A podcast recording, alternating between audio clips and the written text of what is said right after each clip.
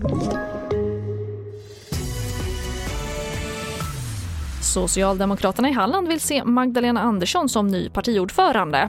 Östersunds kommun lurad på miljonbelopp och gasläcka på Uppsala universitet. Ja, här är TV4-nyheterna som börjar med att Socialdemokraterna i Halland vill se Magdalena Andersson som partiordförande efter Stefan Löfven och är därmed det första SD-striktet att offentligt nominera en kandidat inför kongressen i början på november, vilket Ekot var först att rapportera om. Och så här säger Ann Tiberg, vår politiska kommentator, om det. Eh, att det här är starten. Nu har det satt igång. Eh, jag tror vi kommer att få fler likartade besked eh, under de kommande dagarna. Man kommer att välja lite olika modeller vad det gäller eh, hur man ska gå ut om man ska berätta det här öppet eller om man bara berättar det för valberedningen. Och mer om det här kan du se på tv4.se.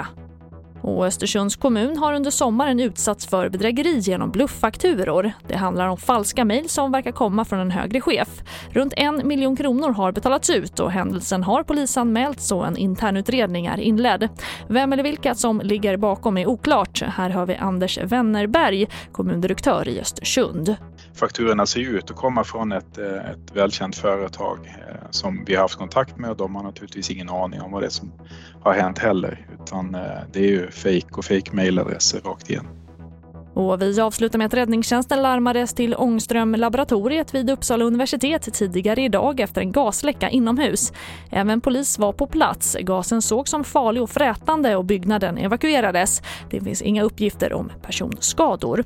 Och det får sätta punkt för TV4-nyheterna. Och fler nyheter hittar du alltid på vår sajt tv4.se. Jag heter Charlotte Hemgren.